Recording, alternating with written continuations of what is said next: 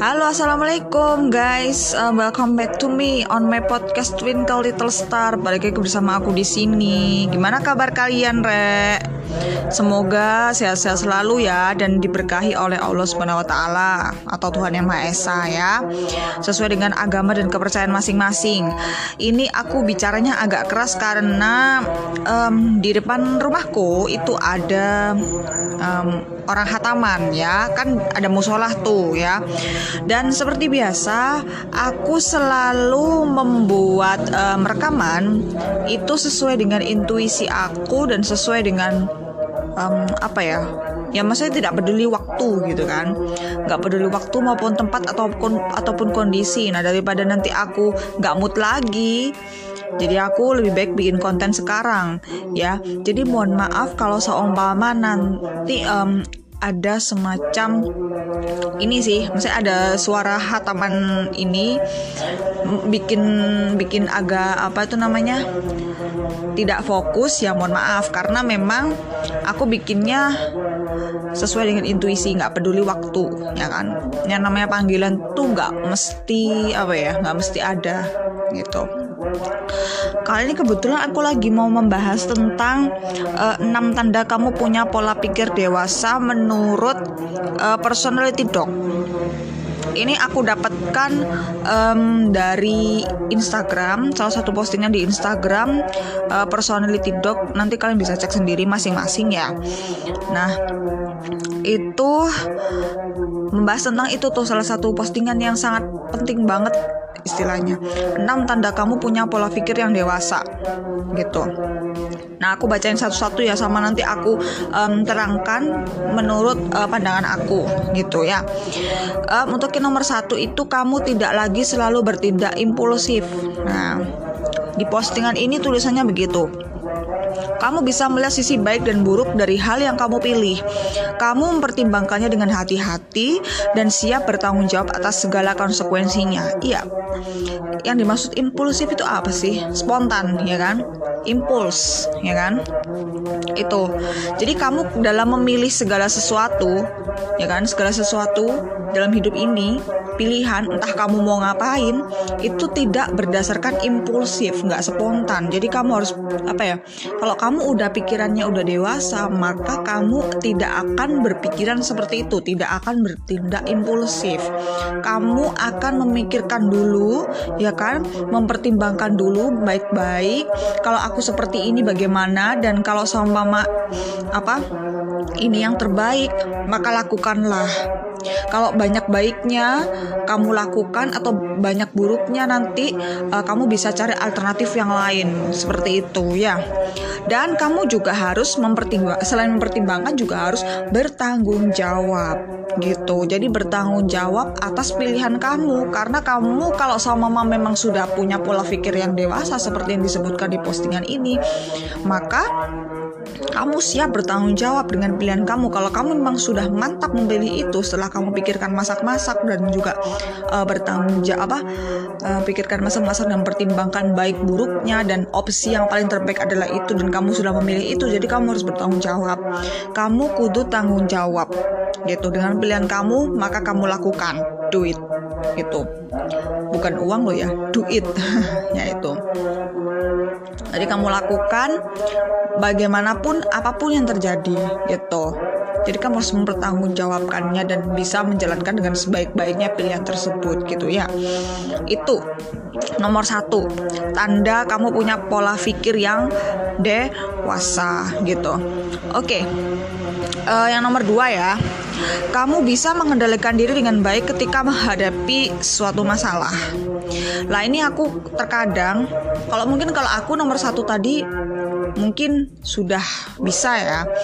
Um, menurut pendapat pendapatku sendiri, nggak tahu kalau pendapat orang lain. Kalau menurutku aku sudah seperti itu. Kalau yang nomor dua ini aku kadang tidak, kadang belum kamu bisa mengendalikan diri sendiri dengan baik ketika menghadapi masalah. Nah, di sini di postingan ini tertulis, kamu tidak lagi terus terpaku pada masalahnya saja dan terperangkap dalam label korban, tapi kamu juga berpikir secara rasional dan berfokus untuk mencari solusi yang terbaik gitu. Aku sebenarnya sudah, cuma aku tuh kayak menghadapi dari arah emosionalnya, bukan dari uh, yang lain gitu. Jadi misalnya aku nih di trigger sama seseorang, sama orang yang aku suka, di trigger gitu ya. Nah, di trigger terus apa itu namanya? Aku tuh kayak uh, masih emosi gitu. Itu masih belum dalam artian belum bisa mengendalikan diri dengan baik kayak masih ya gitulah tapi uh, untuk mencari solusinya aku memang sudah sudah bisa uh, berpikir rasional dan berfokus mencari solusi yang terbaik bukan berfokus pada masalahnya. Aku sudah lakukan itu tapi kalau untuk emosinya masih belum gitu. Jadi ya meledak tapi ya cuma sekedar sekali gitu kan. Tapi ya menurutku tuh sudah apa ya uh, masih wajar gitu ya. Masih wajar untuk melakukan itu. Untuk marah itu wajar sih. Tapi menurutku aku itu yang malah membuat apa ya uh, membuat gimana ya kayak kayak kurang dewasa like, menurut aku. Karena aku kadang tuh kayak meledak ya meledak gitu. Tapi udah habis itu kan udah. Terus nanti aku cari solusinya. Tapi um, lawan aku tuh rame banget ya. Lawan aku itu biasanya kayak lebih trigger aku lebih dalam lagi gitu jadi gitu yang nomor dua, kamu sudah bisa mengendalikan diri sendiri dengan baik ketika menghadapi masalah itu uh, contoh nomor dua dari tanda kamu punya pola pikir yang dewasa. Terus yang ketiga ya, yang ketiga kamu tidak lagi menganggap diri paling benar. Ini paling susah sekali dan biasanya orang gagal di sini ya. Kamu tidak lagi menganggap diri paling benar. Kamu bisa membuka diri untuk berdiskusi secara sehat, mencoba untuk melihat sesuatu dari perspektif yang lain dan menghadapi pendapat dan menghargai, sorry, menghargai pendapat yang berbeda. Kamu sadar kalau kamu bisa saja benar tapi juga kamu bisa salah gitu. Jadi semua pilihan yang kamu pilih ya. Misalnya kamu memilih A, itu uh, yang namanya peluang benar dan salah itu prosentasenya um, bisa fluktuatif tergantung kondisi ya kalau menurut aku ya. Dan um, pilihanmu itu nggak 100% benar bisa juga ada peluang untuk salah. Di mana pun apa pun pilihannya ya apa pun pilihannya itu pasti ada peluang salahnya. Jadi jangan jangan pernah kalian ngerasa benar 100% no it doesn't work like that jadi kayak um, memang itu setiap pilihan pasti punya peluang. Kalian tahu nggak sih um, uh, ini materi kalian waktu zaman masih sekolah atau kalian yang dengerin ini yang masih sekolah, kalian masih uh, kalian masih ingat nggak tentang materi peluang, ya kan? Yang namanya peluang pasti punya um, dua sisi. Ada sisi atas sama sisi bawah. Lah ini sama. Kita tuh kan e, kalau di pelajaran peluang itu kan memilih ya kan? Ada peluang misalnya gini koin koin koin yang gambar Garuda sama gambar uang 500 ya kan? Misal apa angka sama gambar. Kan ada dua kalau nggak angka ya gambar. Tergantung paling banyak peluangnya yang keluar yang mana. Itu kan yang dihitung. Ya sama pilihannya kayak gitu. Jadi kalian itu pilih ya kan? Itu pasti ada peluang ya kalau nggak ya bener ya salah gitu. Tergantung nanti angka yang uh, yang pilihan yang sering sering muncul itu tergantung pada apa? Tergantung pada faktor dan kondisi gitu. Paham sampai sini kan ya? Jadi seperti itu jangan merasa paling benar misalnya kayak gitu. Ya kayak aku gini ya. Mungkin aku juga ada peluang salah omongan gitu kan. Tapi tergantung kalian yang mau menerima atau tidak gitu. Kalian saring. Kalau sama ma ada omonganku yang sekiranya menurut kalian itu benar ya loloskan saja. Jadi kalian punya saringan kalian berhak untuk mendengarkan ini untuk menyaring omongan aku. Kalau sama ma ada yang salah menurut kalian ya udah di nggak usah dimasukin gitu ya jadi ngerti ya.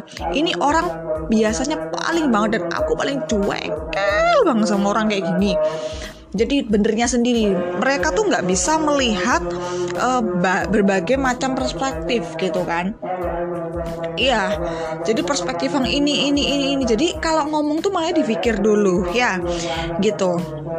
Biasanya seperti itu. Soalnya aku baru kemarin juga kena sama orang yang menyebalkan seperti itu. Benernya sendiri dia. Quotesnya dia kan bikin quotes, gitu kan? Quote, quote, sorry. Ya, bikin quote. Terus ada satu poin yang aku nggak setuju di mana um, pernikahan itu menyakitkan menurut dia. Ya kan? Itu malah membuat kayak uh, membuat apa ya dia seperti menyebarkan energi negatif kalau dia posting seperti itu. Dan aku harus hentikan. Karena pernikahan itu tidak tidak menyakitkan basically. Kalau orangnya udah bener dari personality dua individu ini ya. Gitu. Tuh nanti next aku bahas aja tentang pernikahan nanti di next aja ya. Jadi seperti itu. Pernikahan ya akan menyakitkan kalau kamu nya atau salah satu atau dua. Biasanya dua ya nggak mungkin salah satu.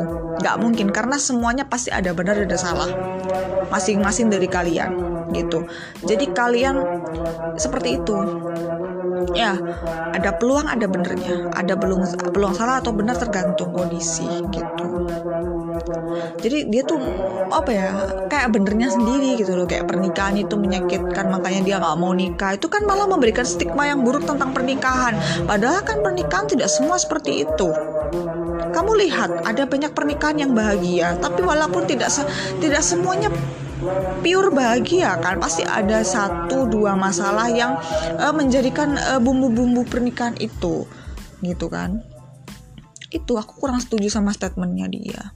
Terus tapi kalau untuk statement omongannya dia yang tentang um, apa itu namanya pernikahan yang tit apa per, buat apa?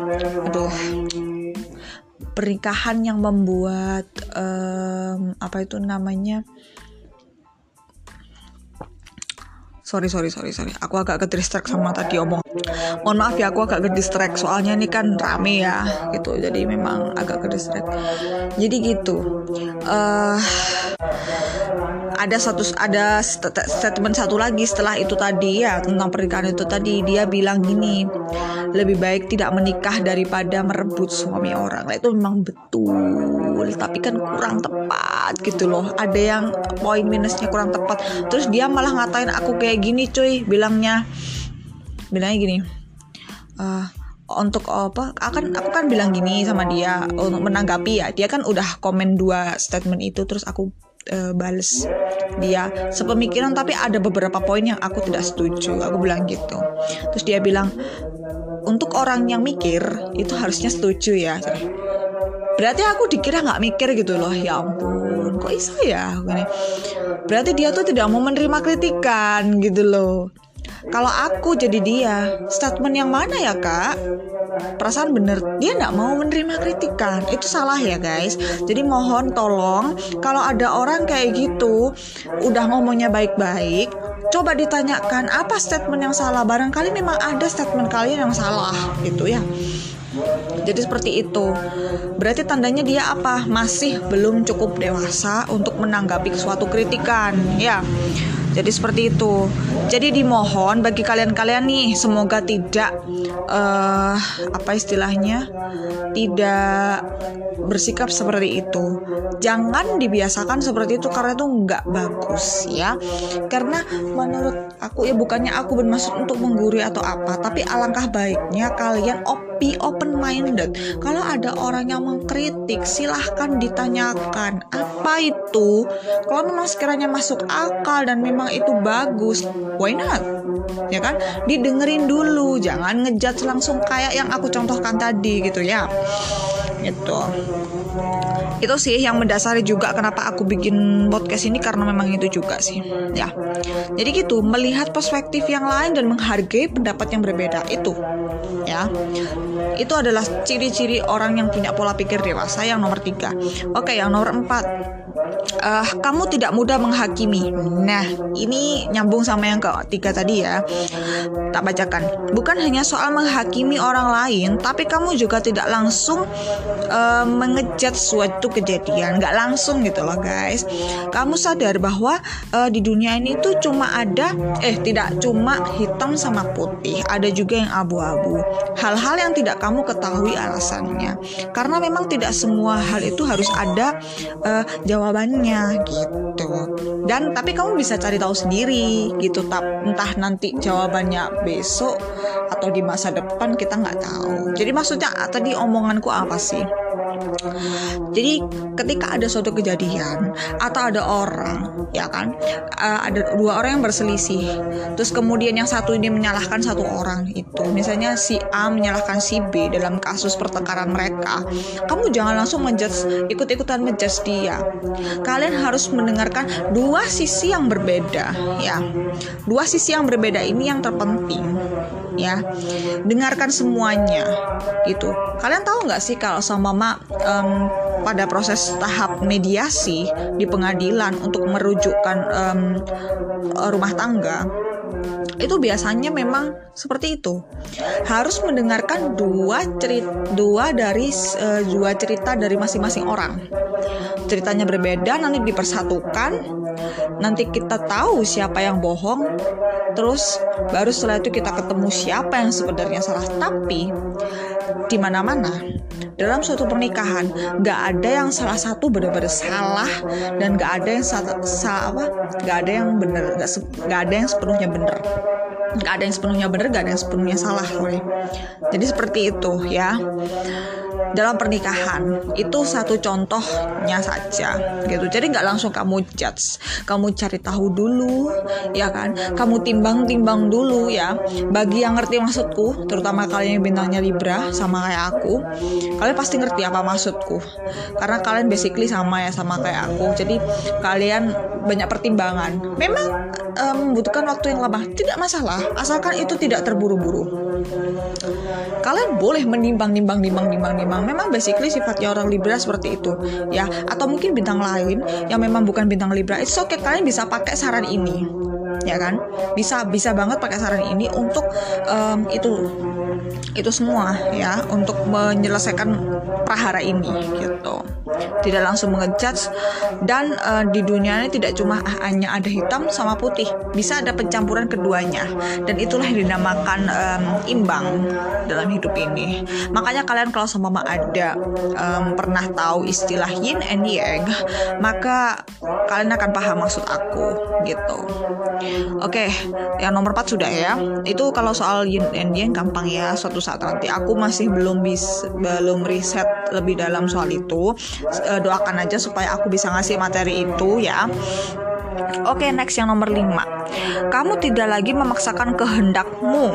Nah, tidak memaksakan kehendakmu. Kamu misalnya pingin ini, tapi orang lain atau keadaan tidak bisa seperti itu. Ini aku um, masih termasuk tidak bisa. Aku masih belum bisa, sorry, bukan tidak bisa. Belum ya. Aku masih memaksakan kehendak nih. For example gini. Uh, aku ingin bekerja di tempat yang jauh ya. Tapi ternyata keadaan dan takdir mengatakan hal yang lain. Aku e, karena ada pandemi ini jadinya aku stuck di rumah. Nggak bisa ngapa-ngapain nggak bisa ke mana-mana udah. Marah sebetulnya maunya tapi ada hikmahnya akhirnya aku bisa jadi pemateri seperti ini.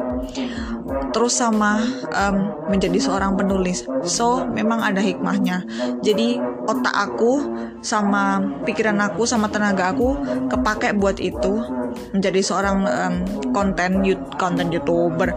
Nggak konten ini konten pembuat podcast penulis sama pengajar. Iya aku guru juga gitu jadi kayaknya memang semesta itu me, apa ya menuntun aku untuk ke sana. Mungkin inilah jalan yang terbaik.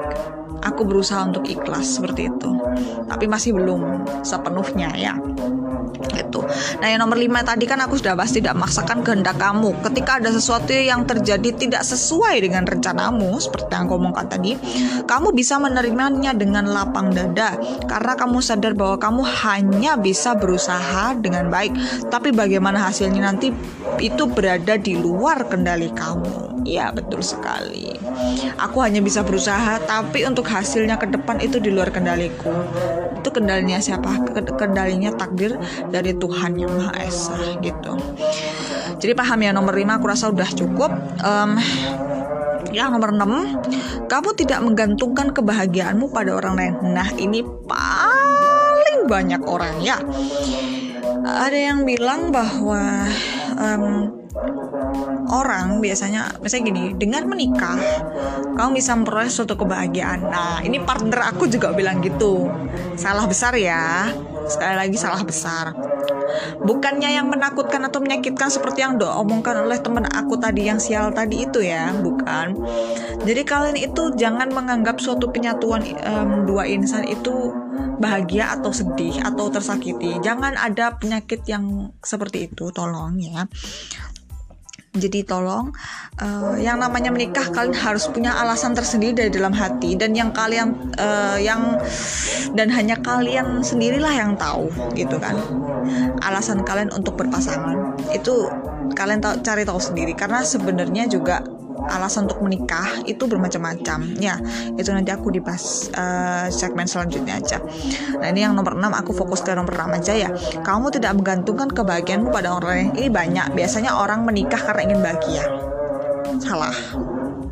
Justru itu adalah tahap selanjutnya dari setelah kamu misalnya tahap selanjutnya dari kehidupan kamu gitu kan. Setelah kamu e, melewati masa lajang kemudian kamu menikah itu jangan harap bisa apa ya misalnya jangan terlalu ngarep banget lah bakalan seneng ya bener seneng namanya juga falling in love.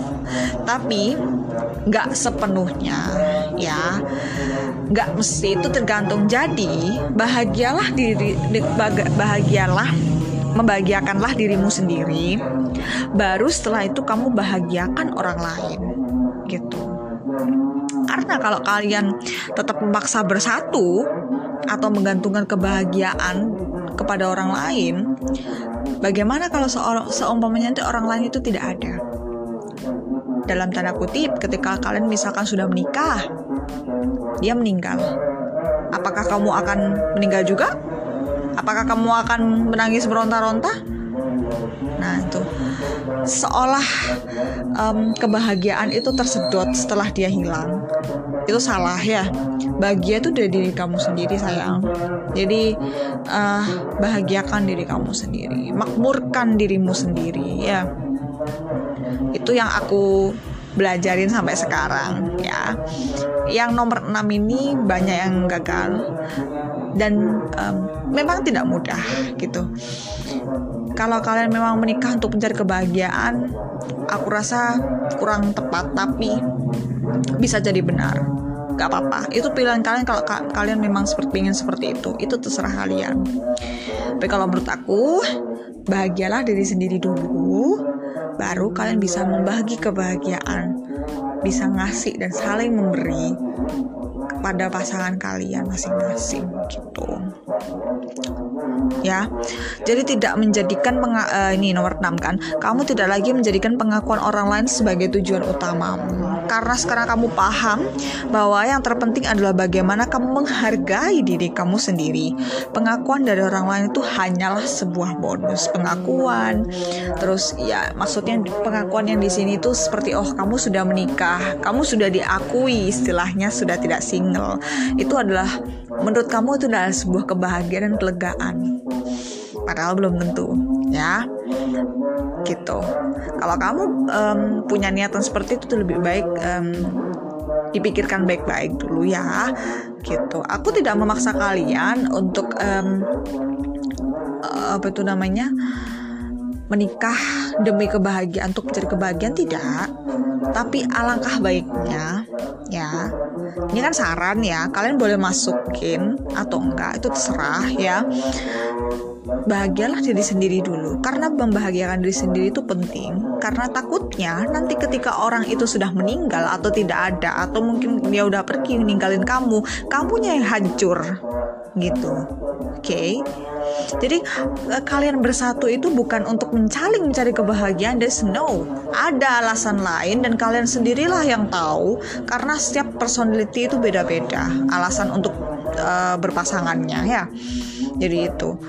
Bahkan aku sampai sekarang aja masih mencari tahu gitu. Untuk apa aku mencari sebuah pasangan? itu masih belum ketemu sampai sekarang. Kalau memang udah ketemu ya dari dulu aku udah pasangan lah sama orang orang itu misalnya gitu ya gitu. Jadi kalau kalian um, seperti itu misalnya kayak sama kayak aku gini punya pikiran kalau um, dengan menikah bisa bahagia tapi kalian pada kenyataannya belum menikah menikah ya itu berarti ada sesuatu ya. Jadi kalian bisa pakai caraku ya oh kenapa ya kok aku nggak nggak nikah nikah tapi pada kenyataannya? Masih gini aku pingin bahagia sama orang tapi kenapa aku nggak nikah nikah kenapa aku nggak dipersunting atau bla bla bla? Nah dari situ coba perbaikin ya. Coba mungkin saranku bisa dipakai. Saranku itu yang tentang apa tuh namanya? Yang tadi bahagia diri sendiri dulu gitu. Apa salahnya sih dicoba? Ya kan? Nggak ada yang salah kan gitu. Maksudnya bukan gak ada yang salah ya maksudnya tuh. Ya dicoba aja dulu. Ya namanya juga sarannya orang gitu kan. Aku yang nggak maksa juga. Kalau nggak mau ya udah apa-apa ya. Gitu. Ya ini aku um, udah bacakan semua tanda-tanda. Kan tadi ada enam. Enam tanda bahwa kamu punya pola pikiran dewasa ini sudah aku bacakan semua dari personality dog jadi itu. Mm -mm, penting banget jadi poin-poin di sini sudah mencakup uh, secara keseluruhan.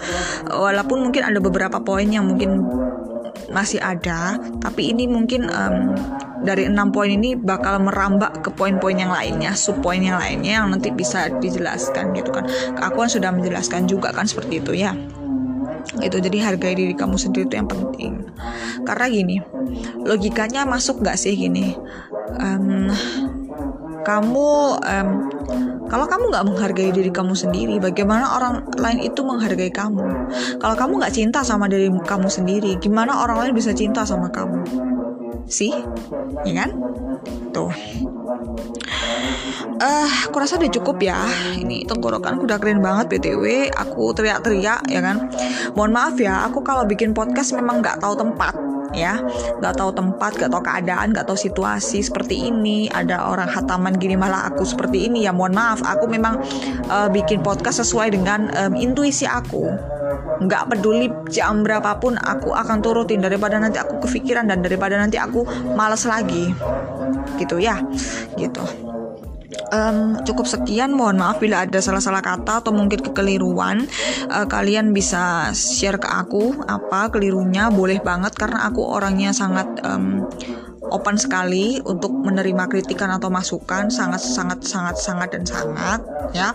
Karena aku berusaha juga untuk menjadi uh, itu tadi enam tanda menjadi uh, mempunyai pikiran seperti orang dewasa gitu. Memang ada beberapa poin yang aku masih belum, tapi juga yang sudah ya alhamdulillah aku juga sudah, tapi sebagian besar sudah alhamdulillah. Tapi memang masih kadang kumat-kumatan ya wajar lah namanya juga masih berproses ya kita kan ya mohon maaf. Jadi gitu, mohon maklum lah istilahnya. Kalian juga mungkin seperti itu kan? gitu dan bagi yang sudah uh, berproses sudah mencapai semuanya mencapai kebahagiaan aku ucapkan selamat uh, semoga kali semoga kami kami ini yang belum aku juga ini yang belum semoga uh, bisa menyusul kesuksesan kalian dalam membangun hubungan relationship seperti itu ya.